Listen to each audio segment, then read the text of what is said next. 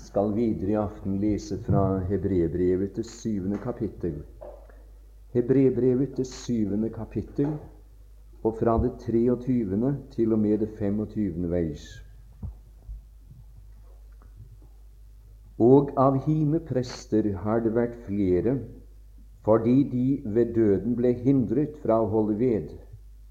Men denne har et uforgjengelig prestedømme fordi han blir til evig tid. Og derfor kan han også fullkommen frelse dem som kommer til Gud ved ham, da han alltid lever til å gå i forbønn for dem. Skal vi lese det 25. verset en gang til? Og derfor kan han også fullkommen frelse dem som kommer til Gud ved ham, da han alltid lever til å gå i forbønn for dem. Amen. La oss stille et enkelt spørsmål og prøve å finne svar på det til å begynne med i det vi nå er samlet om. Og det spørsmålet lyder ganske enkelt hvem kan Gud fullkommen frelse? Det står her at han kan fullkommen frelse. Men uh, du er sikkert interessert i hvem han kan fullkommen frelse. Og da står her å lese Han kan fullkommen frelse dem som kommer til Gud ved ham, dvs. Si ved den Herre Jesus. Går det an, sier du, å komme til Gud uten ved ham? Går det an å ha med Gud å gjøre uten ved den Herre Jesus? Jeg vil svare i virkeligheten går det ikke an ifølge Skriften. Men jeg frykter allikevel for at det er mennesker som går omkring og innbiller seg at de har med Gud å gjøre på lovgjerningenes grunn. De er opptatt med å gjøre og å være og å bli sådan at Gud en gang må være tilfreds med dem. Og så mener de ved disse religiøse øvelser å kunne vinne en stilling, en posisjon, innenfor Guds åsyn, som de kan stå på i evigheten. Jeg leser Johans evangeliums 14. kapittel og den 9. veis disse ordene. Ingen, sa Herren, og når han sier 'ingen', da kan vi tro at det er sådan. Vi gjør i hvert fall klokt i det og regner med hva han sier. Ingen kan komme til Faderen uten ved meg. Og hvis det skulle være noen her som inntil denne stund har forestilt seg det sådan når det gjelder hans forhold til Gud, at du kan stå for Gud på et annet grunnlag enn ham og hans verk på Golgata kors, da må jeg få lov å si deg, min venn, du har ikke løftet fått, ut fra denne boken i hvert fall, om noen frelse enn si fullkommen frelse. Du er ennå på vei imot en evig fortapelse. Og jeg skulle ønske at du ble vekket i aften. Jeg skulle ønske at vi kunne få høre gråt over skinn i dette lokalet på denne lørdag aften, og at vi kunne få merke frelses jubel, fordi det er noen som griper sannheten om hva Kristus er og har gjort for syndere. Hva vil det si at han kan fullkommen frelse. Jeg skal prøve å peke på det ut fra Guds ord i den stund. Det kan prekes om, og det kan fremstilles naturligvis fra forskjellige eh, sider. Men det er noen vesentlige ting som har grepet mitt hjerte, og som jeg gjerne vil dele med dere som har funnet veien hit i dag. Og den første tingen som jeg understreker, er at det at Kristus kan fullkommen frelse en synder i denne verden, betyr at han frigjør ham fra syndens skyld og straff og dom og vrede. Der er noen mennesker som kan gå på denne syndens jord i dag, og Gud være takk, jeg er en av dem, som aldri behøver å frykte for. Det er ingen som helst grunn til å frykte for at jeg en gang skal bli straffet eller komme under dommen eller vreden eller havne i fortapelsen i evigheten. Jeg vet på hvem jeg tror, og det betyr min dommedag, den ligger allerede bak meg. Jeg ser ikke frem til den, min venn, hvilket ethvert uanvendt menneske gjør. Og han har grunn til å frykte. Du skal en dag stå for dommeren, sier Guds ord, dersom du driver det farlige spill og utsette og utsette med det å få din sjel frelst. Men det er noen i verden, og så godt kjenner jeg denne forsamling, at det er ikke så ganske få av oss, når det kommer til stykket i den stund, som er her, der kan si det samme. Jeg ser ikke frem imot min dom. Jeg kan vende meg om og se tilbake på min dommedag. Det er skjedd der på Golgata kors. Der fikk jeg min dom, sier Guds ord. Jeg skal lese ett sted, nemlig Johans evangeliums 5. kapittel, vers 24. Og det lyder slik Herren sa Sannelig, sannelig sier jeg eder, den som hører mitt ord Og nå kan du prøve deg selv om det var på denne måte du fikk din sak med Gud i orden.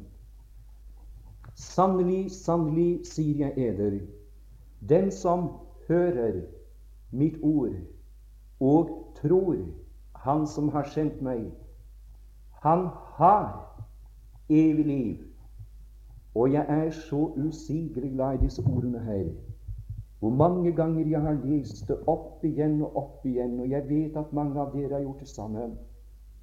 Og jeg vet også at det griper ditt hjerte på nytt i den stund. Han kommer ikke til dom. Sett et tydelig strek under de ordene i din bibel. Kommer ikke til dom, men er gått over fra døden og til livet. Merk de tre tingene. Den som hører, det er det første. Jeg hørte noe en dag. Ja, jeg hørte noe i lang tid uten at jeg aksepterte det, uten at jeg bøyde meg for det, uten at jeg godtok det. Men Gud være takk, den dagen kom da det jeg hørte, bevirket tro i mitt hjerte. Jeg tok ved troen på ham. Og følgen fra den stund av har et menneske evig liv. Et liv som aldri kan dø. Det eier vi allerede nå. Du ser at du er frigjort fra synd og skyld og straff og vrede. Og det betyr at våre synder, de er utslettet. Tilgitt i betydning av at de er slettet ut i kraft av Kristi blod. Og det betyr til like at Gud har glemt våre synder. Jeg hørte nettopp en preken som var opptatt på lydbånd nede hos Midtrød før jeg gikk opp til dette møtet. Og det tok like som tak i meg. Hvor mange ganger har jeg ikke hørt den sannhet? Hvor mange ganger har jeg ikke også av Gud hengivne og benådede Herrens tjenere hørt at det er blitt talt så gripen om den sannhet at den som tror på ham, han eier syndenes forlatelse i kraft av hans verk. Men jeg må ærlig tilstå, venner, at denne mest elementære sannhet som finnes innen kristendommen i dag, den rørte ved mitt hjerte før jeg gikk opp til dette møtet i aften. Jeg fikk se det så levende. Det sto så klart for meg på nytt at mine sønner Jeg vet at det kan være ting i våre liv som er av en sådan beskaffenhet eller karakter av det vi har gjort, eller det vi er, av det som rører seg her inne, og det som ofte har fått overhånd i vårt liv, som djevelen prøver å kalle frem og uro, uro oss med tanke på. Men hvor godt hva som ble sagt, og hvilket jeg vil bringe videre til dere nå. Våre synder er i kraft av det dyrebare lammets blod utslettet. Men ikke bare det. Gud har glemt. Han har glemt våre synder. Han glemmer min synd der ved Golgata kors. Han glemmer min synd, men han erindrer meg. Hvilken tanke! Jeg skal også gi deg et ord i denne forbindelse, og hvis du er her som ikke er frelst, vil jeg be deg spesielt om å tenke over disse ordene. Fra profeten Messias 43. kapittel vers 25 står skrevet jeg, jeg, sier Herren, og jeg tror han har en bestemt hensikt med at han sier disse ord, eller dette ord to ganger. Jeg, jeg Nå skal du altså se bort ifra deg selv og hen til ham. Og hør nå jeg, jeg er den som utsletter dine misgjerninger for min skyld. Ikke for din skyld, ikke for din angers skyld, ikke for ditt alvors skyld, ikke for dine bønners skyld, og ikke for din bibellesnings skyld. Men han sier, 'For min skyld utsletter jeg dine misgjerninger og dine overtredelser, og jeg kommer dem ikke i hu.' Venner, det er noe å leve på i denne verden. Det har fylt mitt hjerte med glede med takk, med tilfredsstillelse. Og det er noe om den dagen må komme. Jeg forventer Herrens gjenkomst i dag mer enn jeg har gjort før. Men det er noe å dø på om den dagen kommer da min livstråd skal avkuttes. Og min ånd forlater dette legemet. Da har jeg ingen annen grunn mine tilhøre enn denne han døde for meg. Han bar mine synder. Jeg kan forstå Mr. Spurgeon der han ligger på det siste, og noen av hans venner er samlet der. Og så sier han eh, dette som de siste ordene før han går inn i herligheten. Han har ikke mer å si nå, denne Guds mann som hadde preket de store sannheter i Skriften som hadde forklart for andre, så de ble høylig velsignet. Han sa bare disse ordene Christ died for me. Og så gikk han inn. Det er godt, venner, at vi har de ordene så sant vi hører Herren til, så sant vi tror på Ham. Kristus døde for meg. Kan du si det i aften? Ja, det er noe av hva det innbefattes i dette som hebreerbrevets skribent uttrykker på denne måte, inspirert av Guds ånd. Du er fullkommen frelst. Fullkommen frelst. Det betyr til og med at du er rettferdiggjort innenfor Guds øyne rettferdiggjort. Det er godt å tenke på at vi er allerede her. Hva Gud vil, hva Gud ønsker, hva Gud forlanger. Vi skal være innenfor Hans åsyn. Jeg er ikke meg selv, men mine tilhørere. Så vel i den stund som under enhver omstendighet på veien hjem til hellighet ser Gud meg i en annen person. Han ser meg i ham. Jeg har stilling, jeg har posisjon i ham innenfor hans åsyn. Og Skriften sier at den rettferdighet som han er, den er tilregnet meg. Og da betyr det Det må være klart, selv for et barn som er her, som har nådd skolealderen, da er jeg like rettferdig for himmelen som han er rettferdig for himmelen. Det er tilregnet oss. Vi er i ham innenfor Gud. Nu vel, la meg si det på denne måten. Vi må tale på menneskelig vis så lenge vi er her. Men eh, la oss si at vi taler sammen, mine tilhørere, når vi har vært i, i himmelen, i Faderhuset, der inne i privatværelset. Jeg ynder å kalle det privatværelse, for det er der inne vi skal. Å, har du tenkt på, min venn, disse høye vesener som engler, serafer, kjeruber og disse erkeengler, disse som har sine avdelinger i det himmelske, de vil aldri komme opp på de svimlende høyder som frelste syndere skal komme opp på. Vi skal komme altså ganske, ganske nær. Vi skal være hans brud når han kommer tilbake, forteller Guds ord.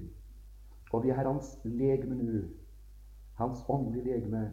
Og enhver trone er et lem på dette legeme. Jeg skulle hatt lyst til å ta også om dette, men vi må forlate dette emnet.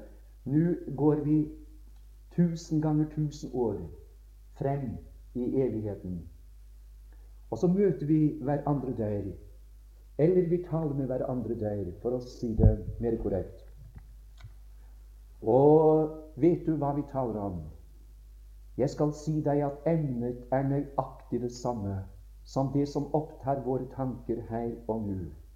Det er Golgata.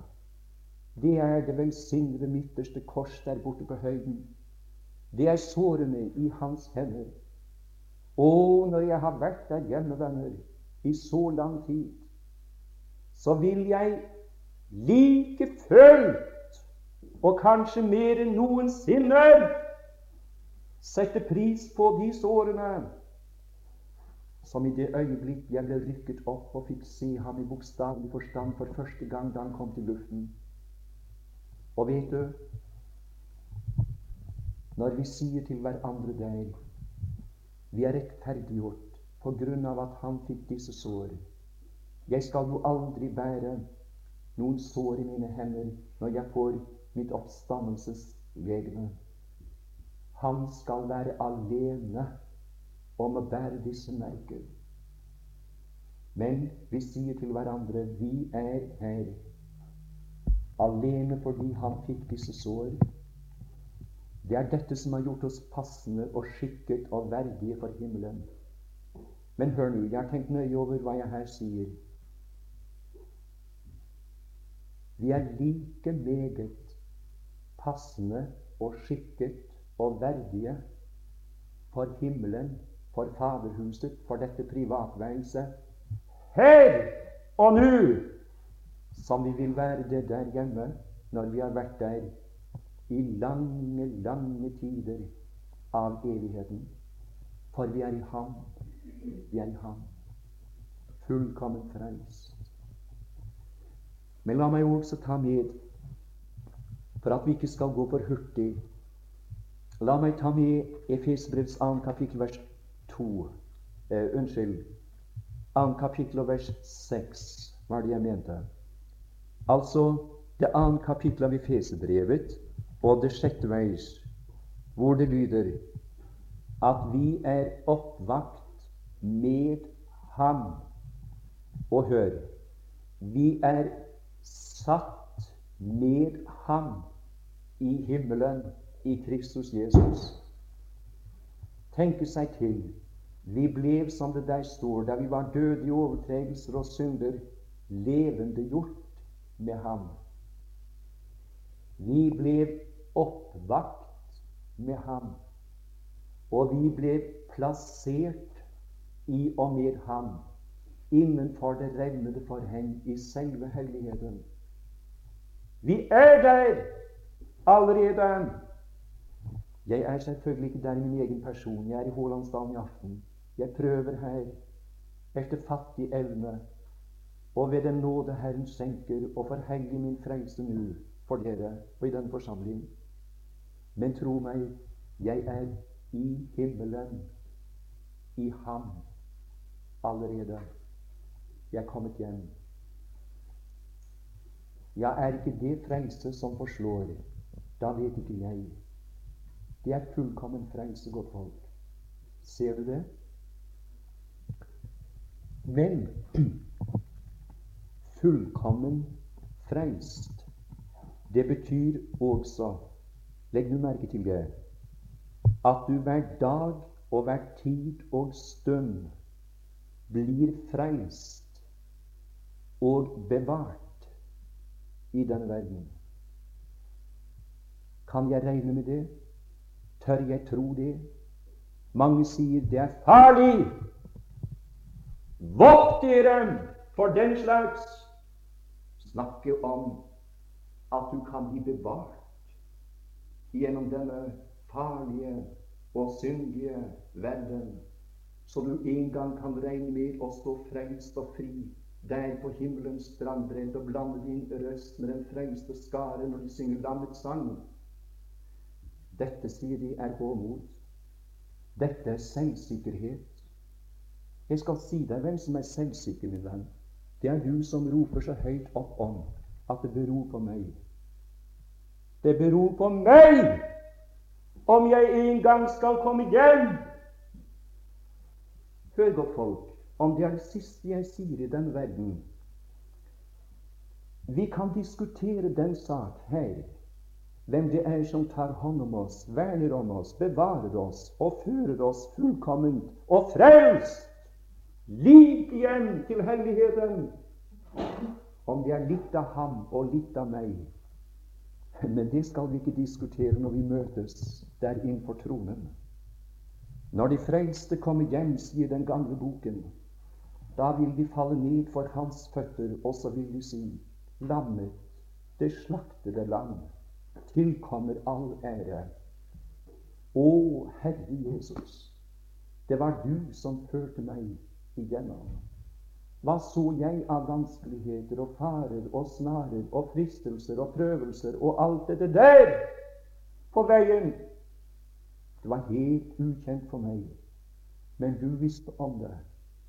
Og så ledet du meg trygt, sikkert til tross for min svakhet, mine mange brist, endog som en trone, til tross for at jeg ofte hadde et koldt hjerte for deg, da jeg prøvde å tjene deg denne verden, Å, ditt hjerte banket like varmt for meg som da det slo det siste slag på Golgata kors. Å, det lå deg på hjertet å få meg hjem. Og du klarte det. Han er mann for å frelse fullkomment, venner, sier Skriften. Fullkommen frelse, det er frelse hele veien. Hele veien. Inntil vår reise er slutt, og vi står der i Hans nærhet. Skal vi gå til Annen Mosebok i aften og lese fra det 28. kapittelet? Altså det 28. kapittelet av Annen Mosebok. Og vi leser der mm, Jeg skal bare kun Jeg skal nå Unnskyld gjengi kun hva som der er omtalt, til å begynne med. Og så er det to-tre steder som jeg vil henlede din oppmerksomhet på spesielt. Eh, der fortelles om ypperstepresten Aron i dette kapittel. Ypperstepresten Aron han representerte sitt folk i Guds nærhet da han gikk inn i det aller helligste på den store forsoningsdag. Eh, du forstår altså at grunnen til, eller hensikten med, at Aron, ypperste pressen, gikk inn i helligdommen på denne store dag, forsoningsdagen i Israel, det var at han skulle representere sitt folk for Guds åsyn. Folket var nå utenfor. De utgjorde leiren. Altså utenfor selve tabernaklet. der var forsamlingen. Men ypperste pressen var der inne i Guds nærværelse. Skal du høre. Det står så fint når det gjelder forordningene som Herren gir i dette kapittel, altså det 28. av 2. Mosebok, vil du se når du kommer hjem i aften. Der står at uh, han skulle bære Israels barn på sine skuldre for å minne om dem innenfor Guds åsyn. Han skulle bære dem på sine skuldre. Og jeg vet ikke om du har lagt merke til at Israels barns tolv navner skulle innrisses eller inngraveres på noen stener. Seks stener skulle plasseres på hver av ypperste prestens skuldre. Seks stener på hver skulder. Og så representerte han der altså de tolv de tolv Israels stammer innenfor Guds åsyn. Men disse stener de var ikke hugget ut av gråsten. Jeg vet ikke om du har festet deg ved det. Å, hvor det har vært til velsignelse for meg, ikke minst i den senere tid. Ikke tatt ut av gråsten,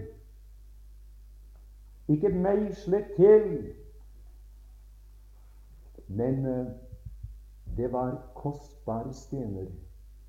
Det var edelstener, og de aller fineste av sådanne som skulle velges ut til dette bruk. Og på disse kostbare, fine edelstener skulle, skulle Israels barns navn være inngravert. Og så skulle de festes, som allerede nevnt, seks stener på hver skulder av ypperste prestens livkjortel når han sto der innenfor Guds åsyn. Det var edelstener som ble benyttet til dette.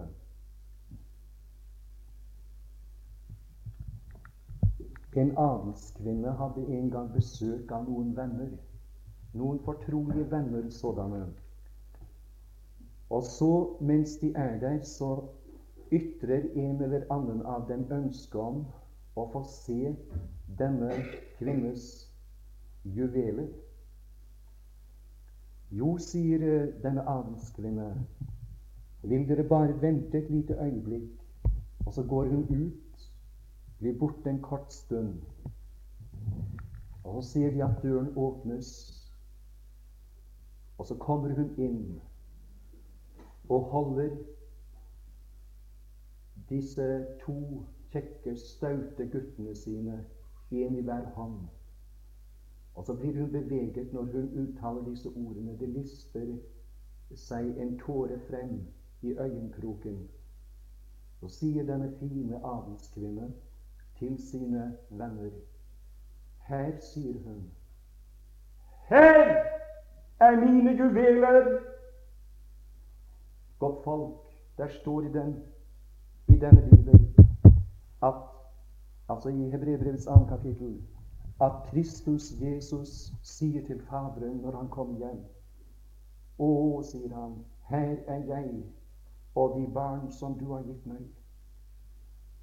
Om du fikk en privat konferanse med den oppstandende og helliggjorte Kristus på tronen i aften, min venn, og så spurte du ham, si meg, Herre Jesus, har du noe i den syndens verden som du er ekstra begeistret for, som betyr mer for deg enn noe annet? som du ser noe i som du ikke ser i noe annet. Og jeg vet at hans tanker ville gå til de frelste. Dem som han vant da han var der nede på dypet. Han gikk så dypt som ingen vet. Hvem kan måle dybden? Og hvem kan måle avstanden mellom korset og tronen, mellom Faderhuset og hellere? Si meg, hvem kan det? Han gikk så dypt, så dypt som ingen vet. Men der nede, der fant han noen juveler. Og disse juveler, forteller Skriften, de bærer han på sine skuldre når han nå står som vår store ypperste prest i Guds umiddelbare nærhet. Det er snart 2000 år siden han gikk hjem, mine tilhørere. Men han er der fremdeles. Han sitter ved tronen i aften mens vi er her. Og jeg vet at den Herre Jesus er interessert i det jeg sier her nå. Om ingen av dere var interessert i det, hvilket jeg tror dere er Jeg tror dere er interessert. Men han har i hvert fall et lydhørt øre når det dreier seg om ham og hans verk og hans forhold til sine, de som han vant på Golgata på forbannelsestreet. Han bærer dem på sine skuldre for alltid og minner om dem. Og Hvis du vil lese vers 29 i samme kapittel, vil du se når Aron går inn i helligdommen, da skal han bære Israels barns navn på domsbrystduken i sitt hjerte for all tid å minne om dem for Herrens åsyn. Han skulle altså på den domsbrystduk ikke ha, ikke ha to rader men fire rader av stener, og du vil finne at det var det var også av de fineste juveler eller edelstener. Og på disse tolv stener var også Israels barns navn innrisset. Og så står han der og bærer dem for Herrens åsyn på sitt hjerte. Et meget vakkert og gripende bilde av vår store ypperste prest, der han er i denne tid mens vi vandrer her. Du er båret på hans skuldre og på hans hjerte der inne i Guds nærhet. Skal vi nå lese fra profeten Isaias 9. kapittel vers 6. Og der står Et barn er oss født, og en sønn er oss gitt, og herredømmet, herredømmet er på hans skulder. Jeg understreker at det står i entall Hør nå. Herredømmet, dvs. Si hele universet. Alt det som er skapt, dette konkrete, dette håndpåtagelige, alt i universet, alt som utgjør dette, det bærer han på sin skulder. Entall. Jeg vet ikke om du har festet deg ved det. La oss lese nå fra 5. Moseboks 33. kapittel vers 12. Om Benjamin sa han, Herrens elskede er han. Trygt bor han hos ham. Hele dagen holder han sin hånd over ham. Og han hviler imellom Herrens skuldrer. Mellom Herrens skuldrer. Legg merke til han skulle bære Israels barn på begge sine skuldre, og Benjamin hvilte mellom hans skuldre flertall. Du forunderlige Herre Jesus, hvor du har prøvet, hvor du har deg, gjort deg umak, hvor du har gjort alt for at jeg i denne verden skal kunne regne med at jeg en dag kommer hjem Venner, det var det som plaget meg den første tiden. Å, jeg skal åpent og ærlig innrømme, venner, det plager meg fremdeles. Jeg kjenner disse tvilens tanker som gjerne vil ta overhånd i mitt liv. Når jeg hjem en dag Kjenner du deg igjen, venn? Da har jeg ikke noe bedre å gjøre enn å gå til disse velsignede skriftsteder som jeg prøver å dele med dere ved Guds nåde i aften. Og jeg leser igjen og igjen, og jeg leser meg glad, jeg leser meg trygg. Kan du tvile på noe sådant? Når han med letthet bærer hele universet på én skulder. Og så sier han når det gjelder en fattig, stakkels, fortapt synder i den verden, da stiller han begge skuldrene til rådighet. Er han mann for å få oss hjem da?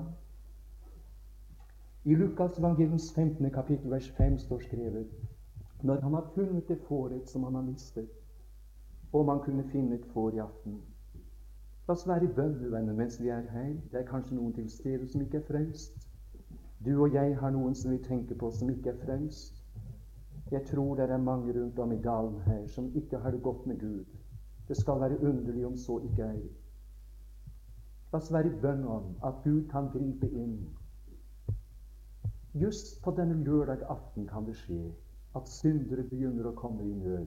Gud har en forunderlig evne til å finne vei til hjertene. At noen forkommen må bli funnet av ham. Når han finner fåret som han har mistet, mange leser det slik. Hør nå. Og de ynder å lese det slik. Da løfter han det opp og legger det på sin skulder med sorg og bærer det tre fjerdedeler av veien. Ja, venner, jeg har så mange ganger Dere må ha med dette gode. I grunnen så ber jeg ikke om unnskyldning fordi jeg sier det.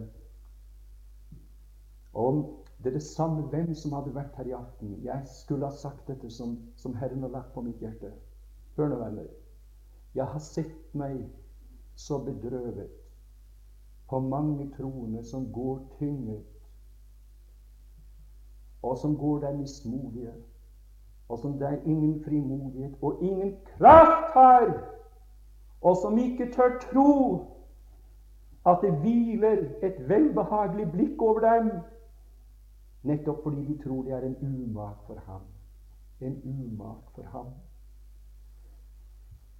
Løfter får et opp, og med sorg, med bedrøvelse, legger det på sin skulder.